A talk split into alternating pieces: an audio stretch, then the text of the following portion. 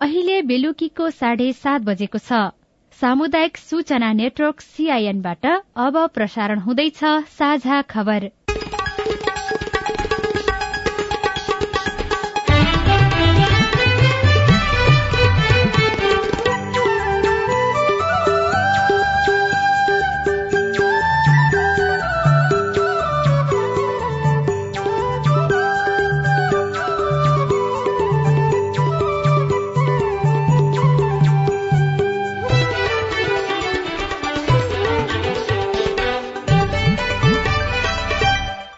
सीआईएनको साझा खबरबाट सोभिता रिसालको नमस्कार। साझा खबर देशभरिका सामुदायिक radio CIN Khabar dot com सीआईएनको फेसबुक पेज र मोबाइल एप सीआईएनबाट पनि सुन्न सकिन्छ।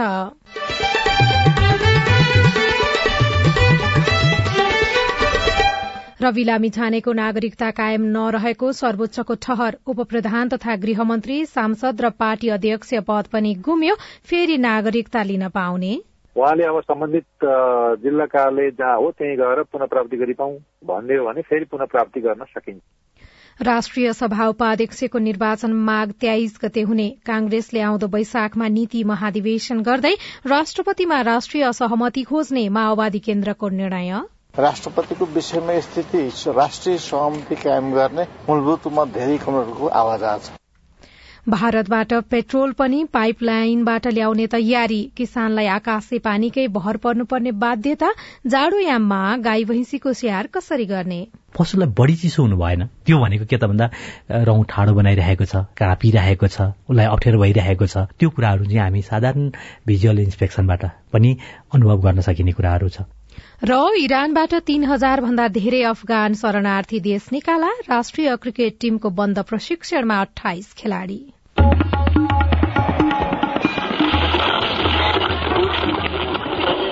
सयौं रेडियो। हजारौं रेडियो कर्मी र करोड़ौं नेपालीको माझमा यो हो सामुदायिक सूचना नेटवर्क सीआईएन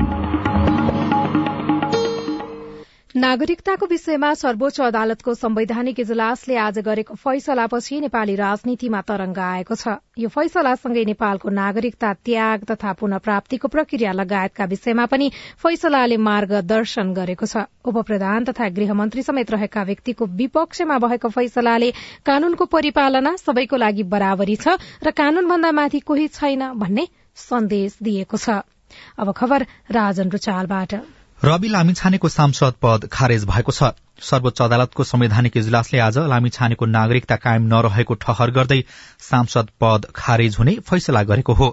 नेपालको नागरिकता पुनर्प्राप्तिको प्रक्रिया पूरा नगरेकाले लामिछाने सांसद बन्न अयोग्य रहेको ठहर गरेको प्रवक्ता विमल पौडेलले जानकारी दिनुभयो। उम्मेद्वार कायम गर्ने निजलाई निर्वाचित घोषणा गर्ने प्रमाण पत्र दिने लगायतका काम कारवाही नेपालको संविधानको धारा एक सय तेत्तिसको उपधारा दुई तीन तथा धारा एक सय सैतिस बमोजिम उत्प्रेषणको आदेशले बदल हुने ठहर नेपालको मन्त्री हुन नेपाली नागरिक हुनुपर्ने संवैधानिक व्यवस्था रहेको छ। कायम मुकायम प्रधान न्यायाधीश हरिकृष्ण कार्की सहित न्यायाधीशहरू विश्वम्भर प्रसाद श्रेष्ठ ईश्वर खतिवड़ा आनन्द मोहन भट्टराई र अनिल सिन्हाको संवैधानिक इजलासले गत मंगिर चारमा भएको चितवन दुईबाट प्रतिनिधि सभा सदस्य उम्मेद्वार बन्दा लामिछानेले पेश गरेको नागरिकता कायम नभएको ठहर गरेको हो। निर्वाचनका लागि उम्मेद्वारी दर्ता गरे लगत्तै लामिछानेको उम्मेद्वारी खारेज गर्न माग गर्दै रविराज बसौला र युवराज पौडेलले रिट दायर गर्नुभएको थियो। फैसलापछि बसौलाले सबैलाई कानूनी राज्यको प्रत्याभूत गराउनुपर्छ भन्ने अनुभूत गराउन सफल भएको र फैसलाले सघाएको प्रतिक्रिया दिनुभयो। अहिले न्यायालयले जुन खालको फैसला गरेको छ यसले के देखाउँछ भन्दा यो देशमा कानून छ। कानूनभन्दा माथि कोही छैन र कानून सबैले पालना गर्नुपर्छ भन्ने सन्देश दिएको छ। र यो अहिले अगाडि रवि लामिछानेजी देखिए पनि यो रवि लामिछानेका विरुद्धको मुद्दा होइन। जो यो देशमा केही सिक्ने विदेशमा गएर बस्ने विदेशको नागरिकता लिने र आफूलाई रमाइलो गर्न नेपाल आउने नेपालको सम्पत्तिलाई के गर्ने भनेर मोज मस्तीमा गर्ने यी सबैहरूका विरुद्ध हामीले यदि यो देशमा बस्ने हो भने यो देशको नागरिकका रूपमा बस्नुपर्छ यो देशको कानून मानेर बस्नुपर्छ भन्ने सन्देश हो भन्ने लाग्छ। यो फैसलासँगै लामी छानेको सांसद पदका साथै उपप्रधान एवं गृहमन्त्री र राष्ट्रिय स्वतन्त्र पार्टीको सभापतिको पद पनि कायम नहुने भएको छ। नागरिकता प्राप्तिको प्रक्रियाका बारेमा संविधानविद अधिवक्ता डाक्टर चन्द्रकान्त गेवारीले सीआईएनसँग भन्नुभयो। संघीय संसदको सांसद चाहिँ धारा छिहत्तर नौ बमोजिम मन्त्री हुन पाउँछ। अब अहिले उहाँको अवस्था कस्तो रह्यो भन्दाखेरि विदेशको नागरिकता त्यागेको नेपाल नागरिकता पुनः प्राप्ति नभएको। अब त्यो अवस्थामा उहाँले अब सम्बन्धित जिल्ला कार्यालय जहाँ हो त्यहीँ गएर पुनः प्राप्ति गरी पाउँ भनिदियो भने फेरि पुनः प्राप्ति गर्न सकिन्छ र नेपालको नागरिक भएको कुरामा विवाद रहेन। नेपाल नागरिक भइसके पछाडि नागरिकता पुनः प्राप्तिमा नगएको कारणले राज्यले स्टेटलेसनेस बनाउन सक्दैन फेरि होइन। त्यसैले चाहिँ फेरि पुनः प्राप्तिमा प्रक्रिया थाल्नुपर्ने अवस्था देखेको छु म। उहाँले चाहिँ यो पुनः प्राप्तिको प्रक्रिया भोलि नै पूरा गर्नुभयो भने त्यस्तो अवस्थामा पुनः फेरि गृहमन्त्री अथवा उप प्रधानमन्त्री रहिरहन सम्भव हुने नहुने के हुन्छ त्यो चाहिँ? होइन अब पुनः प्राप्ति भइसके पछाडि त सांसदको पद त फेरि लड्नु पर्यो चुनाव होइन? चुनाव लड्नु पर्यो चुनाव लडेपछि सांसद भएपछि फेरि गृहमन्त्री हुने हुने त्यसपछिको कुरा हुन्। र यदि पुनः प्राप्ति भयो भने छ महिनाको लागि चाहिँ फेरि गृहमन्त्री हुन सक्ने त ठाउँ त रहन्छ। नेपालबाट अमेरिका गएर उतैको नागरिकता र राहदानी लिएका लामी छानेले नेपालको नागरिकता परित्याग नगरेको फेरि नेपाली नागरिकता नलि र अमेरिकी नागरिकता कायमै रहेका बेला नेपालको राहदानी लिएको र यसबारेमा आफैमा विरोधाभासपूर्ण जवाफ अदालत र निर्वाचन आयोगलाई दिएको देखिएको थियो। फैसलापछि नेपाली राजनीतिमा नयाँ तरंग आएको छ। बीसजना सांसद रहेको राष्ट्रिय स्वतन्त्र पार्टी सरकारमा जाने भएपछि गत पुष एघार गते लामिछाने उपप्रधान तथा गृहमन्त्री नियुक्त हुनुभएको थियो। अब सत्ता गठबन्धनको समीकरणमा समेत केही प्रभाव पर्छ कि भन्ने चासो उब्जिएको छ। रवि लामिछानेको पद गएसँगै सत्ता समीकरणमा केही फरक पर्छ? सीआईएनको प्रश्नमा संचार तथा सूचना प्रविधि मन्त्री रेखा शर्माले भन्नुभयो। अहिले अब सर्वोच्चको सबै फैसला पढिएको छैन होइन? पहिलो कुरा त सर्वोच्चको सबै फैसला पढ्नु पर्यो। त्यसपछि अब हाम्रो मन्त्री परिषदको बैठक पनि हुन्छ। औपचारिक आधिकारिक धारणा त्यसै बेला आउँछ। तर सामान्यता के हो भन्नुहुन्छ भने अब अदालतको फैसलाको सम्मान हामी सबैले गर्दै आएका छौँ। गर्ने कुरा नै हुन्छ। त्यही हुने भयो र औपचारिक आधिकारिक धारणालाई चाहिँ अब सर्वोच्चको फैसला पढेर मात्रै व्यक्त गर्न सकिने भयो यसलाई। उहाँले चाहिँ राजीनामा बुझाउने प्रधानमन्त्रीलाई भन्ने कुरा पनि बाहिर आइसकेको अवस्था छ। त्यस्तो अवस्थामा चाहिँ फेरि अब नागरिकता प्राप्ति गरिसके पछाडि पुनः सरकारमा जाने कुरा त्यस्तो केही सोच्न सकिने गरी तपाईँहरूको बीचमा त्यस्तो केही भएको छ र? त्यस्तो अहिले तत्काल भइसकेका छैन भर्खरै फैसला आएको हो होइन? यही कारणले अब सत्ता साझेदार दलमै खलबली आउँछ केही बिग्रिन्छ भन्ने मलाई त्यस्तो लाग्दैन सामान्यतया हेर्दाखेरि। अब अरू बाँकी थप कुरा औपचारिक आधिकारिक कुरा त मन्त्रीको बैठक बसेर नै व्यक्त नि राष्ट्रिय सभा उपाध्यक्षको निर्वाचन माघ तेइस गते हुने भएको छ। राष्ट्रिय सभाको अध्यक्षले राष्ट्रिय सभा नियमावली दुई हजार पचहत्तरको नियम आठ बमोजिम राष्ट्रिय सभाको उपाध्यक्षको निर्वाचनको मिति र समय तोक्नुपर्ने व्यवस्था छ। राष्ट्रिय सभाको आजको बैठकमा अध्यक्ष गणेश प्रसाद तिमल सिन्हाले सभाको उपाध्यक्षको निर्वाचन माघ तेइस गते सोमबार बिहान एघार बजेर उनासाठी मिनटमा गर्ने गरी समय तोक्नु भएको छ। निर्वाचन सम्बन्धी कार्यक्रम सार्वजनिक गर्नका लागि उहाँले संघीय संसदका महासचिव भरतराज गौतमलाई निर्देशन पनि दिनुभएको छ। राष्ट्रिय सभा उपाध्यक्ष पद एक वर्षदेखि रिक्त रहेको छ। नेपाली कांग्रेसले आउँदो वैशाखमा नीति महाधिवेशन गर्ने भएको छ। महाधिवेशन भएको झण्डै डेढ़ वर्षपछि कांग्रेस नीति महाधिवेशन गर्ने तयारीमा लागेको हो। चौधौं महाधिवेशनका बेला नेताले छ महिनापछि नीति महाधिवेशन गर्ने घोषणा गरेका थिए। नीति महाधिवेशन मार्फत कांग्रेस नयाँ कार्यक्रमका साथ जनतामाझ पुग्ने तयारी भइरहेको महामन्त्री गगन थापाले बताउनु भएको छ। नेकपा माओवादी केन्द्रले राष्ट्रपतिमा राष्ट्रिय सहमति खोज्ने निर्णय गरेको छ। केन्द्रीय कार्यालय पेरिसडाँडामा बसेको बैठकले राष्ट्रिय सहमति अनुसार राष्ट्रपति चयन हुनुपर्ने निर्णय गरेको हो। दुई दिनसम्म चलेको बैठकमा प्रधानमन्त्री तथा पार्टी अध्यक्ष पुष्पकमल दाहाल प्रचण्डले आफू एमालेको प्रस्तावमा प्रधानमन्त्री बने पनि विश्वासको मत लिने बेलामा कांग्रेसले समेत मत दिएको भन्दै राष्ट्रपति चुनावमा उसको समेत विश्वास लिएर अघि बढ़नुपर्ने धारणा राख्नु भएको थियो। बैठकमा स्थायी समितिका धेरैजसो नेताहरूले राष्ट्रपति पदमा राष्ट्रिय सहमति हुनुपर्ने धारणा राखेका थिए। अधिकांश नेताहरूले राष्ट्रपतिमा राष्ट्रिय सहमतिका लागि पार्टीले पहल गर्नुपर्ने बताएको बैठकपछि प्रवक्ता कृष्ण बहादुर महराले जानकारी दिनुभयो। राष्ट्रपतिको विषयमा स्थिति राष्ट्रिय सहमति कायम गर्ने मूलभूत रूपमा धेरै कमरेडको आवाज छ। यसले कङ्क्रिट अझ निर्णय होइन। राष्ट्रिय सहमति खोज्ने हाम्रो नीति छ। धारणा राष्ट्रिय सहमति कायम गर्न पहल गर्ने। राष्ट्रिय सहमतिको जिम्मा भने अध्यक्ष प्रचण्डलाई दिइएको छ। नेपाल आयल निगमले भारतबाट पेट्रोल पनि पाइपलाइनबाट ल्याउने गरी तयारी गरिरहेको छ। निगमले दुई हजार छयत्तर भदौदेखि मोतिहारी अम्लेखगंज पाइपलाइन मार्फत डिजेल आयात गरिरहेको छ।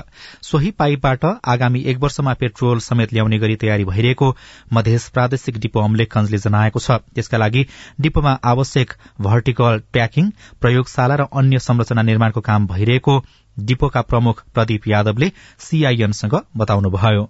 यो मल्टी प्रोडक्ट पाइपलाइन हो तर हामीले एउटा डिजल मात्रै ल्यायो त्यसले गर्दा पाइपलाइनमा हाम्रो जति खर्च लागे पनि त्यसको हामीले फुल युज गर्न सकेनौँ। पन्ध्र डिसेम्बर दुई हजार बाइसमा हामीले यो पाइपलाइनको सेकेन्ड फेज भनेर गरेका थियौँ। त्यो पन्ध्र डिसेम्बर दुई हजार बाइसमा हामीले त्यसलाई शिलान्यास गर्यौँ र अहिले के छ भने अम्लेगजमा पेट्रोल पाइपलाइनबाट ल्याउनलाई हामीसँग नभएको पेट्रोलको ट्याङ्की र दुईटा पेट्रोलको ट्याङ्की एउटा लेबोरेटरी अनि लोडिङ गर्ने अटोमेटिक बिहेहरू चौबिसवटा बन्नको लागि इन्डियन आइलले टेन्डर गरेर ठेकेदारहरू कन्ट्राक्टरहरू फिल्डमा आएर काम चाहिँ स्टार्ट भइसकेको अवस्था छ। र हाम्रो प्लान के छ भने यही दुई हजार तेइसको डिसेम्बरसम्ममा काम पुरा सम्पन्न गर्ने र दुई हजार चौबिसको जनवरीबाट कमिसनिङ गरेर पेट्रोल पनि यही पाइपलाइनबाट ल्याउने। त्यसका लागि निगमको एक अर्ब चौन्न करोड़ भारतीय रूपियाँ बराबर खर्च हुने अनुमान गरिएको छ। भारतबाट डिजल र पेट्रोल दुवै पाइपलाइन मार्फत आयात गर्दा ढुवानी र प्राविधिक खर्च बापतको मासिक पन्ध्र करोड़ रूपियाँ बचत हुने अनुमान गरिएको छ। साझा खबरमा अब विदेशको खबर। इरानबाट तीन हजार भन्दा बढ़ी अफगान शरणार्थीहरूलाई देश निकाला गरिएको छ इरानमा। पछिल्लो समय अफगान नागरिकलाई हिरासतमा राखेर जबरजस्ती अफगानिस्तान पठाइएको छ। हालै तीन हजार एक सय तेइस अफगान आप्रवासीहरूलाई इरानबाट निष्कासित गरिएको थियो। र एउटा खेल खबरमा नेपाल क्रिकेट संघ क्यानले आगामी महिना घरेलु मैदानमा आयोजना हुने आईसीसी पुरूष क्रिकेट विश्वकप अन्तर्गत एक दिवसीय श्रृंखलाका लागि अठाइस खेलाड़ीलाई बन्द प्रशिक्षणमा बोलाएको छ। नेपालले फागुन दुईदेखि नौ गतेसम्म त्रिवी क्रिकेट मैदानमा नामिबिया र स्कटल्याण्डसँग आईसीसी लीग दुई अन्तर्गत चार खेलको एक दिवसीय श्रृंखला खेल्ने तालिका रहेको छ।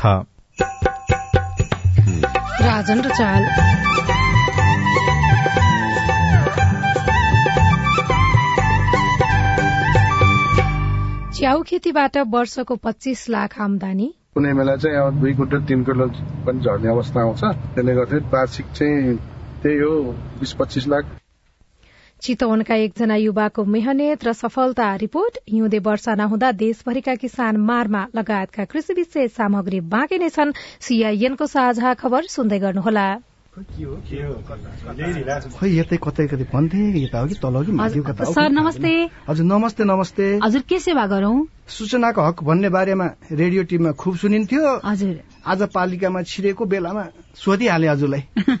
तपाईँले सही व्यक्तिलाई सही प्रश्न सोध्नुभयो। म चाहिँ यो पालिकाको सूचना अधिकारी हुँ। सूचनाको हक भनेको संविधान कानूनमा उल्लेख भएको नागरिकको अधिकार हो हजुर। अनि यो अधिकार त पत्रकारले मागे पाए भन्ने मात्रै सुनिन्छ त। हामी जस्ता सामान्य मानिसले कसरी प्रयोग गर्ने? सूचना माग्ने पत्रकारले मात्रै होइन। कुनै पनि नेपाली नागरिकले सूचना प्राप्त गर्ने कारण उल्लेख गरी सम्बन्धित सूचना सूचना अधिकारी समक्ष निवेदन दिनुपर्छ। विधि र प्रक्रिया पूरा गरी निवेदन प्राप्त भयो भने सूचना अधिकारीले पन्ध्र दिन भित्रमा उपलब्ध गराउनु पर्ने सूचनाको हक सम्बन्धी ऐनमा भनिएको छ। पन्ध्र दिन पो कुर्नु पर्ने व्यक्तिको जीवनको सुरक्षासँग सम्बन्धित सूचना माग गरिएको हो भने नि हजुर चौबिस भित्रै जानकारी दिनुपर्छ। अनि सरकारी वा सार्वजनिक निकायका अधिकारीले सूचना लुकाएमा पच्चिस हजारसम्म जरिवाना हुने व्यवस्था ऐनमा छ। त्यसका लागि चाहिँ राष्ट्रिय सूचना आयोगमा पुनरावेदन गर्नुपर्छ। अनि यो सूचना माग्दा पैसा पनि लाग्छ? लाग्दैन लाग्दैन। निवेदन उजुरी र पुनरावेदन गर्दा पैसा लाग्दैन। सम्बन्धित निकायले दिने सूचना दस पन्ना भन्दा बढ़ीको भएमा चाहिँ प्रति पन्ना पाँच रुपियाँ तिर्नुपर्छ। ल कुरो बुझ्यो। अब भोलि नै म पनि सूचना माग्न आउँछु। हस् हस्। अस्ट्रेलिया सरकार र द एसिया फाउन्डेशनको साझेदारीमा सञ्चालित स्थानीय सरकार सबलीकरण कार्यक्रम र अकोराब नेपाल। सामाजिक रूपान्तरणका लागि यो हो सामुदायिक सूचना नेटवर्क सीआईएन तपाई सामुदायिक सूचना नेटवर्क सीआईएनले तयार पारेको साझा खबर सुन्दै हुनुहुन्छ। कैलालीमा लाटो कोसेरो तथा हुचिल उत्सव हुने भएको छ। चराको क्षेत्रमा काम गर्दै आएको संस्था फ्रेण्ड्स अफ नेचर फोन र चरा संरक्षण सञ्जाल कैलालीको संयुक्त आयोजनामा घोड़ाघोड़ी नगरपालिका चार स्थित थारू गाउँमा यही माघ बीस र एक्काइस गते उत्सव हुन लागेको हो। उत्सव आयोजना गर्न घोड़ाघोड़ी नगरपालिकाको कार्यालय डिभिजन वन कार्यालय पहमानपुर र नेपाल पंक्षी संरक्षण संघले सहकार्य गर्नेछन्। उल्लु अर्थात लाटोकोसेरो तथा हुचिलको संरक्षणमा टेवा पुर्याउने उद्देश्यले नेपालमा आयोजना गरिँदै आएको यो उत्सव दुई वर्षसम्म कोरोना महामारीका कारण हुन सकेको थिएन। उत्सवको दशौं संस्करण कैलालीमा आयोजना गर्न लागि हो। यसअघि धादिङ चितवन नवलपरासी गोर्खा कास्की कपिलवस्तु दोलखा खोटाङ र स्याङजामा यो उत्सव आयोजना भइसकेको छ। सुदूरपश्चिम प्रदेशमा भने पहिलो पटक लाटोकोसेरो तथा हुचेल उत्सव हुन लागेको हो। विश्वमा दुई सय पच्चीस प्रजातिका लाटोकोसेरो मध्ये तेइस प्रजातिको लाटोकोसेरो नेपालमा पाइन्छन्। नेपाल सरकारको तथ्याङ्क अनुसार आठ प्रजातिका लाटोकोसेरोहरू चोरी सिकारी र अवैध कारोबारका कारण दुर्लभ बनेका छन्। नेपालबाट लाटोकोसेरो एउटा प्रजाति लोप भइसकेको बताइएको छ। रेडियो सुदूर सन्देश धनगढ़ीले खबर पठाएको छ। च्याउ उत्पादक किसान संघ नेपालका अनुसार देशभर तीस हजार भन्दा बढ़ी किसान च्याउ खेतीमा आबद्ध छन्। व्यावसायिक च्याउ खेतीमा किसानको दुई अर्ब भन्दा बढ़ी लगानी छ। तथ्याङ्कले थोरै लगानीमा जीविकोपार्जनका लागि च्याउ खेती गर्नेहरूको संख्या बढ़िरहेको देखाउँछ। वैदेशिक रोजगारीबाट फर्किएर च्याउ खेतीमा आबद्ध चितवनका एकजना किसानको मेहनतको कथासहित पवित्रा पराजुली। भरतपुर सत्रका विष्णु विक रोजगारीका लागि दुई हजार अडसठी सालमा दक्षिण कोरिया पुग्नुभयो। पाँच वर्ष काम गरेपछि घर फर्कदा उहाँको साथमा केही पैसा त थियो तर शरीर स्वस्थ थिएन। सोही कारण पूर्ण विदेश जान छोडेर नेपालमै परिवार सहित च्याउ खेतीमा लाग्नुभयो। कोरिया भन्दा त यही नै राम्रो गरेका छौँ योभन्दा अगाडि नै अझै राम्रो गर्न पाएको बसेको भए त अझै राम्रो हुन्थ्यो नि त। त्यो चाहिँ अहिले मलाई चाहिँ पछुतो लगाइरहेको छ कोरिया च्याउ खेतीले व्यावसायिक किसानको रूपमा लोभ लाग्दो सफलता दिएको छ। सय पोकाबाट शुरू भएको व्यवसाय अहिले वर्षको हजार पोका उत्पादन गर्ने अवस्थामा आइपुगेको छ। देव एग्रिकल्चर फर्म मार्फत उत्पादन हुने च्याउका लागि विक परिवारले आफूसँग भएको तीन कट्ठा र भाडामा लिएको चार बिघा जमीन उपयोग गरेको छ। विष्णु वार्षिक एक करोड़ बढ़ीको कारोबार हुने बताउनुहुन्छ। तपाईँको दैनिकको भन्दा नि वार्षिक निस्किन्छ दैनिक कुनै बेला त तपाईँको हामी टनै लगियो भने त अब। धेरै कुनै बेला चाहिँ अब दुई कुन्टल तिन कुन्टल पनि झर्ने अवस्था आउँछ। त्यसले गर्दाखेरि वार्षिक चाहिँ त्यही हो बिस पच्चिस लाख टर्न ओभर करोडकै हुन्छ। भने वार्षिकै निस्किन्छ। वार्षिकै गर्दा एक लाखै डलर पुऱ्याइन्छ। नेपालमा सम्भावना छैन भन्नेका लागि विष्णु उदाहरण बन्नु भएको छ। उहाँको फर्ममा च्याउ खेती अवलोकनका लागि मानिसहरू आइरहेका छन्। यसरी आउनेहरूलाई विष्णु नेपालमै केही गर्ने सुझाव दिनुहुन्छ अनि आफूले जानेको सिप र अनुभव बाँड्नुहुन्छ। विष्णु च्याउको बिउ उत्पादन आफै गर्ने र बटम मसरूम अर्थात डल्ले च्याउ उत्पादन गर्ने तयारीमा हुनुहुन्छ। यसका लागि सरकारसँग सिप र अनुदानको अपेक्षा छ। मैले बढाउने भनेको तपाईँको बिउ आफै उत्पादन गर्न पर्ने हो त्यो चाहिँ जाँदैछु प्लस बटम मसरुम डल्ले च्याउ त्यो पनि अलिकति सरकारी निकायबाट अलिकति सहयोग मिल्यो भने त्यो पनि बढाउने सोच गरेको भरतपुरमा मात्रै झण्डै करिब चालिस किसान व्यावसायिक च्याउ खेतीमा आबद्ध छन्। भरतपुर महानगरपालिकाले च्याउ खेती गरिरहेका किसानलाई सहयोग पनि गर्दै आएको छ। आर्थिक विकास महाशाखाका उपसचिव तेजेन्द्र प्रसाद पौडेल। बजारीकरणमा सहयोग गरे हो होइन मेयरसँग युवा लक्षित भनेर च्याउ खेती प्रवर्धनमा सहयोग गरिरहेको। प्राविधिक सल्लाह पनि हामी दिन्छौँ होइन। तालिम सालिम दिनुपर्ने भयो भने त्यो पनि हामीले उपलब्ध गराउन सक्छ। पछिल्लो पुस्ताका लागि जन्मे हुर्केकै ठाउँमा गरी खाने सम्भावना छ भन्ने उदाहरणका रूपमा विष्णुलाई लिन सकिन्छ। तर राज्यले सी प्रविधि र उत्पादनको बजारीकरणमा किसानको अपेक्षा अनुसार सहयोग गर्न सकिरहेको छैन। Pabitra Parajuli CIN Bijay FM Nawalpur. साझा खबरमा अब हेलो सीआईएन अविनाश आचार्यबाट। हेलो म चन्द्र बहादुर विक भेरीगंगा एकदेखि भेरीगंगा बाह्र छिन्चु बजारमा। नमस्तेको सिम कार्ड कहीँ पनि मतलब व्हाइटमा पाइँदैन। आफ्नो डकुमेन्टहरू जम्मा गरेर पाइँदैन। जहाँ पनि कहीँ पनि सोध्यो बजारमा जहाँ पनि ब्ल्याकमा मात्र पाउँछ। ब्ल्याकमा केही महँगो पर्दो रहेछ ढाई सय रुपियाँ। अनि हामीसँग त सबै डकुमेन्ट हुँदा हुँदै पनि हामीले ब्ल्याकमा किन्नुपर्ने बाध्यता किन भयो? यस विषयमा हामीले नेपाल टेलिकमका उपप्रबन्धक रञ्जित लोहियाको ध्यानकर्षण गराएका छौं। त्यो कुनै हालत पनि लिनु भएन उहाँले नेपाल टेलिकमको सिम कार्डको रेट भनेको नब्बे रुपियाँ हो। र आधिकारिक हामीले डिलरहरू नियुक्ति गरेका छौँ। आधिकारिक विक्रेताहरू मार्फत दूरसञ्चारले तोकेको रेट नब्बे रुपियाँ भन्दा एक रुपियाँ पनि बढी नदिकन उहाँले नब्बे रुपियाँमै सिम पाउनुहुन्छ हामी उपलब्ध गराउँछौँ। र त्यस्तो कतै केही भएको खण्डमा जसरी आज हामीलाई जानकारी गराउनु भयो उहाँलाई धन्यवाद दिँदै यस्तो कुराहरू चाहिँ हामीलाई यस्तो फेला परेको खण्डमा हामीलाई जानकारी गराउनु हुन म एकदम विनम्र अनुरोध गर्छु। नलिने भन्दा पनि नागरिकलाई त आवश्यकता छ तत्काल लिनुपर्ने स्थिति छ। जहाँ त्यसरी बिक्री वितरण भइराखेको छ त्यहाँ नेपाल टेलिकमले अब गर्ने के हो? अहिले हाम्रो कर्णाली प्रदेशमा त्यहाँ हाम्रो प्रादेशिक निर्देशनालय छ।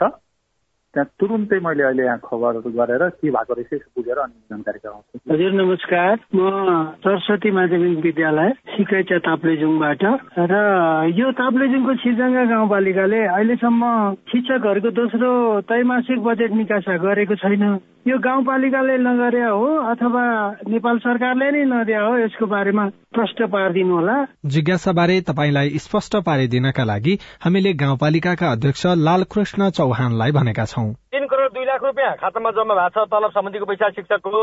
अब हामीलाई एकतिस लाख रुपियाँ आवश्यक छ। त्यो एकतिस लाख रुपियाँ आजको मितिसम्म पैसा आएकै छैन सरकारले पठाएकै छैन। त्यसले गर्दाखेरि त्यो एकतिस लाख रुपियाँ नआई अब शिक्षकलाई कति कति भनेर हाल्न अप्ठ्यारो भइरहेको कारणले गर्दाखेरि केही समय शिक्षकलाई चाहिँ तलब दिनलाई रोकिरहेको अवस्था हो सर। अब चाहिँ छिट्टै आउँछ। अब त्यो पैसा लगभग आज भोलि आइपुग्छ। अब हामी पन्ध्र सोह्रमा लेखा आउँछु भने छ लेखा आएपछि हामी पैसा लगाइदिन्छौँ। नमस्ते मेरो नाम जुनो घोराई पोडा नम्बर पन्ध्रबाट हो। हामीले तुलसीपुर जङ्गी अड्डाबाट फर्म फर्म भरेको तिन चार महिना भयो। सम्पर्क मिति नै आउँदैन। के को कारणले यसलाई स्थगित गरेको हो? अब कहिले आउँदैछ सम्पर्क मिति भनिदिनुहोस् न। कारण बुझ्न हामीले नेपाली सेनाको केन्द्रीय कार्यालयका सूचना अधिकारी सहायक रथी कृष्ण प्रसाद भण्डारीलाई सम्पर्क गरेका छौं। हाम्रो सैन्य भर्नाको प्रक्रिया अहिले स्थगित भइराखेको छ।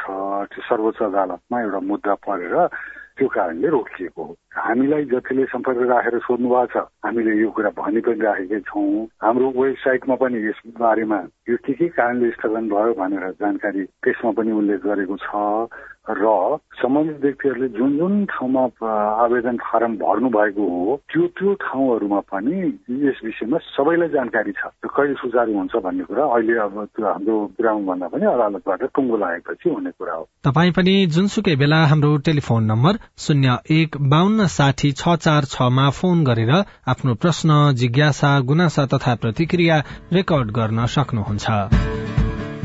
तपाई सामुदायिक सूचना नेटवर्क सीआईएनले काठमाण्डुमा तयार पारेको साझा खबर सुनिरहनु भएको छ। पानी नपर्दा लगाएको बाली सुक्यो नयाँ लगाउन पाइएन। त अलैँचीलाई पनि सुक्खा भो काम दिएन। मकै छर्ने बेला अब त्यो पनि सुक्खा भो काम दिएन। अम्लिसो पनि अब त्यो पानी नपरेसम्म सबै त फुलै खेलेन फुलै फुलेन। देशभरिका किसानको गुनासो रिपोर्ट चिसोमा वस्तु भावको सिहार कसरी गर्ने? एकजना विज्ञसँगको कुराकानी सहित कृषि विशेष सामग्री बाँकी नै छ। सीआईएनको साझा खबर सुन्दै गर्नुहोला। बाल विवाह विरूद्ध धर्मगुरूहरूको प्रतिबद्धता। वैदिक साहित्यमा बाल विवाह छैन। बाल विवाह हाम्रो मण्डली अन्तर्गत भएको छैन। हाम्रोमा बाल विवाह हुँदैन। यो मुद्दुमले भनेको कुरा हो र हाम्रो व्यवहारमा त्यस्तो नै छ। राधामिस गीता बाइबल कुरान वेद लगायतका सबै धर्मका ग्रन्थहरूले बाल विवाह गर्नुहुन्न भनेको भनेर धर्मगुरूले रेडियोबाट भनेको सधैँ सुन्ने गरिन्छ। तर किन बाल विवाह अन्त्य नभएको होला? हाम्रो नगरलाई बाल विवाह मुक्त गराउन अब के गर्ने होला? त्यो त हो नगर प्रमुखज्यू भनेर मात्रै पुग्दैन। सबै धर्मका धर्मगुरूहरूले म बाल विवाह गराउने काममा संलग्न हुन्न भनेर प्रतिबद्धता जनाउने र अरूलाई पनि त्यस्तै सिकाउने कार्य गर्न सके मात्रै त्यो कार्य प्रभावकारी हुन्छ। अनि बाल विवाह विरूद्ध काम गर्ने संघ संस्थाहरू र तपाईँहरू जस्ता स्थानीय सरकारले पनि धर्मगुरू र धार्मिक अगुवाहरूलाई यो अभियानमा सँगसँगै सहभागी गराएर अघि बढ़ाउन सके। बाल विवाह लगायतका हानिकारक परम्परागत अभ्यास अन्त्य गर्न सकिन्छ। हुन्छ राधा मिस म त्यसै गर्छु। ओल्ड भिजन इन्टरनेशनल नेपाल र अकुराब। सामाजिक रूपान्तरणका लागि यो हो सामुदायिक सूचना नेटवर्क सीआईएन तपाई सामुदायिक सूचना नेटवर्क सीआईएनले काठमाण्डुमा तयार पारेको साझा खबर सुनिरहनु भएको छ। नेपालमा करिब साठी प्रतिशत नागरिक कृषिमा निर्भर रहेको सरकारी तथ्याङ्क छ। सिंचाईको पर्याप्त व्यवस्था नहुँदा किसान आकाशे पानीको भरमा खेती गर्नुपर्ने बाध्यतामा छन्। तर यसपालिको हिउँदमा पर्याप्त पानी नपर्दा किसान बाली बिरूवा किसानले लगाएको बाली बिरूवा सुक्न थालेका छन् भने नयाँ खेती लगाउन सकिएको छैन। पश्चिमका केही ठाउँमा हल्का पानी परेपछि बाँकी क्षेत्रका किसान यति बेला आकाशे पानी कुरिरहेका छन्। पानी नपर्दा अलैंची अमृसो लगायतमा राम्रोसँग फूल फुल्न पाएको छैन। मकै छर्ने बेला हुनै लाग्दा समेत पानी नपर्दा किसान निराश हुन थालेका छन्। पाँचथरका किसान प्रेम कुमारी दाहाल। अलैँचीको फूल खेल्ने बेला भएको छ त अलैँचीलाई पनि सुक्खा भो काम दिएन। मकै छर्ने बेला भएको त्यो पनि सुक्खा भो काम दिएन। अम्लिसो पनि अब त्यो पानी नपरेसम्म सबै त फुलै खेलेन फुलै फुलेन। पानी पर्दा पो मिलेर फुल खेल्दो रहेछ। त्यो पानी नपरेपछि त्यो पनि काम दिएन। ललितपुर चाङ्गाथलीका नन्दकृष्ण भट्टराई सधैँ यो समयमा गहुँ छर्नुहुन्थ्यो। तर यसपालि आकाशे पानी नपर्दा अहिलेसम्म बाली लगाउन नपाएको उहाँको गुनासो छ। गहुँ हो जौ हो त्यसपछि अब यो तेल दलहान तेलहान सबै कुरा टाइममा नपरे चाहिँ टाइममा लाउन पाइएन टाइममा नलाएपछि अब हुने कुरो भएन। लगाएको खेती पनि सुक्न लागिरहेछ किन भन्दा पानी परेको छैन। सरकारी तथ्याङ्क अनुसार झण्डै साढे छब्बीस लाख हेक्टर जमिन खेतीयोग्य रहेको नेपालमा सत्र लाख छैसठी हजार हेक्टर सिंचाई योग्य जमिन छ। सरकारको पहलमा सिंचाई शुरू भएको छयानब्बे वर्षमा दस लाख हेक्टर जमिनमा मात्रै सिंचाई पुगेको छ। करिब आठ लाख हेक्टर जमिन आकाशे पानीकै भरमा छ। यस पटक आकाशे पानी नपर्दा बाली लगाउन ढिलाइ मात्रै होइन पानीका स्रोत पनि सुक्न थालेका छन्। यसले किसानलाई चिन्ता थपिएको कैलालीका जयराज ढुङ्गाना बताउनुहुन्छ। लगभग किसानको त हिम्मतै टुट्न लाग्यो। कसरी लगाउने के लगाउने? भूमिगत सिंचाइको स्रोत पनि सुक्दै गएको। अनि माथिबाट पनि नपर्ने भनेपछि किसानको त लगभग हिम्मतै टुट्न थाल्यो। किसानलाई आकाशे पानीमै निर्भर रहनुपर्ने अवस्था छ।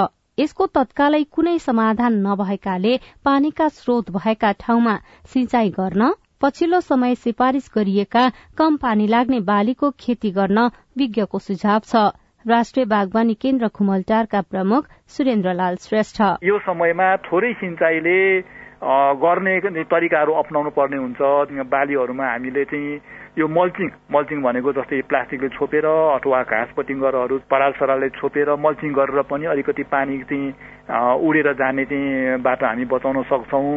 र अलिकति पानी सिँचाइ गर्न नपर्ने जातहरू चाहिँ हामीले लगाउनु पर्ने हुन्छ। मौसम अनुकूल भएर आवश्यकता अनुसार आकाशे पानी परे कृषिको उत्पादन बढ्ने र नपरे घट्ने अवस्था वर्षौंदेखि कायमै छ। सिंचाईको पर्याप्त व्यवस्था गर्न नसक्दा जलस्रोतको दोस्रो धनी देश भएर पनि नेपालका किसान बाली लगाउने बेलामा पानी पर्खदै आकाशतिर हेर्नुपर्ने अवस्थाको अन्त्य हुन सकेको छैन।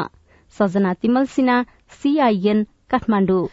पानी नपरेका कारण यसपालि खासै चिसो भएन। हिमाली क्षेत्रमा पर्याप्त हिउँ पर्न सकेको छैन भने पहाड़ी क्षेत्रमा पनि अघिल्ला वर्षहरूमा जस्तो तुसारो देखिएको छैन। तर पनि हिउँदमा हरियो घाँसपात समेत कम हुने भएकाले वस्तुभाव पाल्ने किसानलाई सजिलो छैन। जाडो याममा गाई भैंसीको स्याहार कसरी गर्ने? हामीले पशु सेवा विभागका वरिष्ठ पशु विकास अधिकृत डाक्टर चन्द्र ढकालसँग कुराकानी गरेका छौं। विशेष गरी चिसो समयमा घरपालुवा पशुहरूलाई चाहिँ कोल्ड स्ट्रेस हुने गर्दछ। यसले खास पशुहरूलाई असर चाहिँ कस्तो खालको गर्छ? बढी चिसो हुँदा चाहिँ पशुहरू कामी राख्ने रौँ ठाडो बनाउने चिसोको कारणले गर्दाखेरि उसले पर्याप्त मात्रामा चाहिँ उत्पादन दिन सक्दैन। चिसोबाट बस्नको लागि पनि उसलाई चाहिँ थप इनर्जी नै चाहिने हुन्छ। त्यसैले हामीले वर्षैभरि चिसो हुने ठाउँहरूमा चाहिँ गोठ खोर बनाउँदाखेरि विशेष ध्यान दिनुपर्ने हुन्छ। यहाँले गोठको कुरा गर्नुभयो। अहिले पछिल्लो समय भकारो सुधारका कार्यक्रमहरू धेरै आएका छन्। भकारो बनाउँदाखेरि गोठ बनाउँदाखेरि पशुलाई चिसोबाट जोगाउने विषयमा पनि कसरी सजग हुने? पछिल्ला अनुसन्धानहरूले के भनेको छ भने सकेसम्म पशुहरूलाई चाहिँ तल चाहिँ सिमेन्टेड फ्लोर भन्दा पनि जुन माटोको भुइँहरू चाहिँ उपयुक्त हुने भन्ने कुराहरू पनि अध्ययनहरूले देखाइएको छ। हामीले बुझ्नुपर्ने कुरा चाहिँ के हो त भन्दा पशुले बसिरहेको ठाउँमा कति कम्फोर्टेबल फिल गरेको छ? ऊ चाहिँ कति चिसोपनाबाट ग्रसित भइरहेको छ? घाम लागेको बेलामा बाहिर राख्ने र चिसो समयमा पानी आएको बेलामा सिरोटो चलेको बेलामा हिउँ परिरहेको बेलामा चाहिँ सकेसम्म बाहिर नछोड्ने र उनीहरूलाई चाहिँ यो समयमा चाहिँ तातो पानीहरू तातो कुँडोहरू त्यसरी खुवाउने कुराहरूमा पनि तातो हुने खालका केही विशेष पदार्थहरू छन् जसलाई कुँडो बनाएर खुवाउन सकिन्छ। साधारणतया चाहिँ पशुहरूको पाचन प्रणालीलाई हेर्दाखेरि यिनीहरूले चाहिँ घाँस जान्ने पदार्थहरूलाई पचाउन सक्ने हुनाले पकाइराख्नु पर्ने त्यति धेरै आवश्यकता देखिँदैन। तैपनि के त भन्दा जाडो समयमा पशुले पानी खान नखोज्ने र पकाएर दिँदाखेरि त्यसको चाहिँ जुन डाइजेस्टिबिलिटी र स्वाद बढ्ने हुनाले पकाएर दिनु उपयुक्त हो। अर्को कुरा चाहिँ यो चिसो मौसममा विशेष गरी गाईबस्तु जहाँ बाँधिन्छ त्यहाँ गाईबस्तुहरूको मलमूत्र व्यवस्थापनमा चाहिँ चिसो याममा त्यो व्यवस्थापन गर्ने मान्छेलाई पनि गाह्रो हुने भएको भएर त्यही मलमूत्रमाथि फेरि पराल अथवा अरू घाँसपातहरू राखिदिने त्यसमै फेरि थपिँदै जाने र चिसो अझै बढी हुने त्यसैमा फेरि गाईबस्तु बस्ने हुन्छ। यसले गाईबस्तुलाई थप असर गर्छ कि यसलाई व्यवस्थापनमा पनि समय समयमा ध्यान दिनुपर्छ? एकदम महत्वपूर्ण कुरा गर्नुभयो। वास्तवमा जाडो महिनामा उच्च पहाडी क्षेत्रहरूमा चाहिँ कस्तो हुन्छ त भन्दा हावा नछिरोस् भनेर एकदमै क्लोज हाउसभित्र चाहिँ राखिने र पशुहरूकोमा चाहिँ चिसो हुन्छ भनेर स्वत थप्दै थप्दै जाँदाखेरि तलबडीको मात्रा चिसो हुने र त्यो तलबाट निस्किएका चाहिँ जुन ग्यासेसहरू विशेष गरी एमोनिया जन्ने चाहिँ ग्यासहरू चाहिँ भरिँदै जाँदाखेरि चाहिँ पशुहरूलाई त्यहाँभित्र सास फेर्नलाई गाह्रो हुने हुन्छ। र चिसो मात्र गर्दाखेरि चाहिँ पशुहरू चाहिँ सफोकेसनको कारणले मर्ने गरेको चाहिँ धेरै जसो चाहिँ देखिन्छ। त्यसैले गर्दाखेरि यो समयमा चाहिँ नियमित रूपमा चाहिँ जुन सोतरहरू गोबरहरू चाहिँ हटाउनु पर्ने हुन्छ त्यसमा जम्मा भएका पानी चिसोपना चाहिँ हटाउनु पर्ने हुन्छ र त्यसलाई चाहिँ सुक्खा सोतरहरू राख्ने गर्नुपर्ने हुन्छ। रवि लामी छानेको नागरिकता कायम नरहेको सर्वोच्च अदालतले ठहर गरेको छ। उपप्रधान तथा गृहमन्त्री सांसद र पार्टी अध्यक्षको पद पनि गुमेको छ। तर फेरि पनि सहजै नागरिकता लिन भने उहाँले पाउनुहुनेछ। राष्ट्रिय सभा उपाध्यक्षको निर्वाचन माघ तेइस गते हुनेछ। कांग्रेसले आउँदो वैशाखमा नीति महाधिवेशन गर्ने निर्णय गरेको छ। राष्ट्रपतिमा राष्ट्रिय सहमति खोज्ने माओवादी केन्द्रको निर्णय रहेको छ। भारतबाट पेट्रोल पनि पाइपलाइनबाट ल्याउने तयारी भइरहेको छ। किसानलाई आकाशे पानीकै भर पर्नुपर्ने बाध्यता रहेको छ। र राष्ट्रिय क्रिकेट टीमको बन्द प्रशिक्षणमा अठाइस खेलाड़ी छनौट भएका छन्। आजलाई साझा खबरको समय सकियो। प्राविधिक साथी सुरेन्द्र सिंहलाई धन्यवाद। भोलि माघ चौध गते बिहान छ बजेको साझा खबरमा फेरि भेटौँला। अहिलेलाई सोभिता रिसाल पनि विदा हुन्छु। नमस्कार शुभरात्री।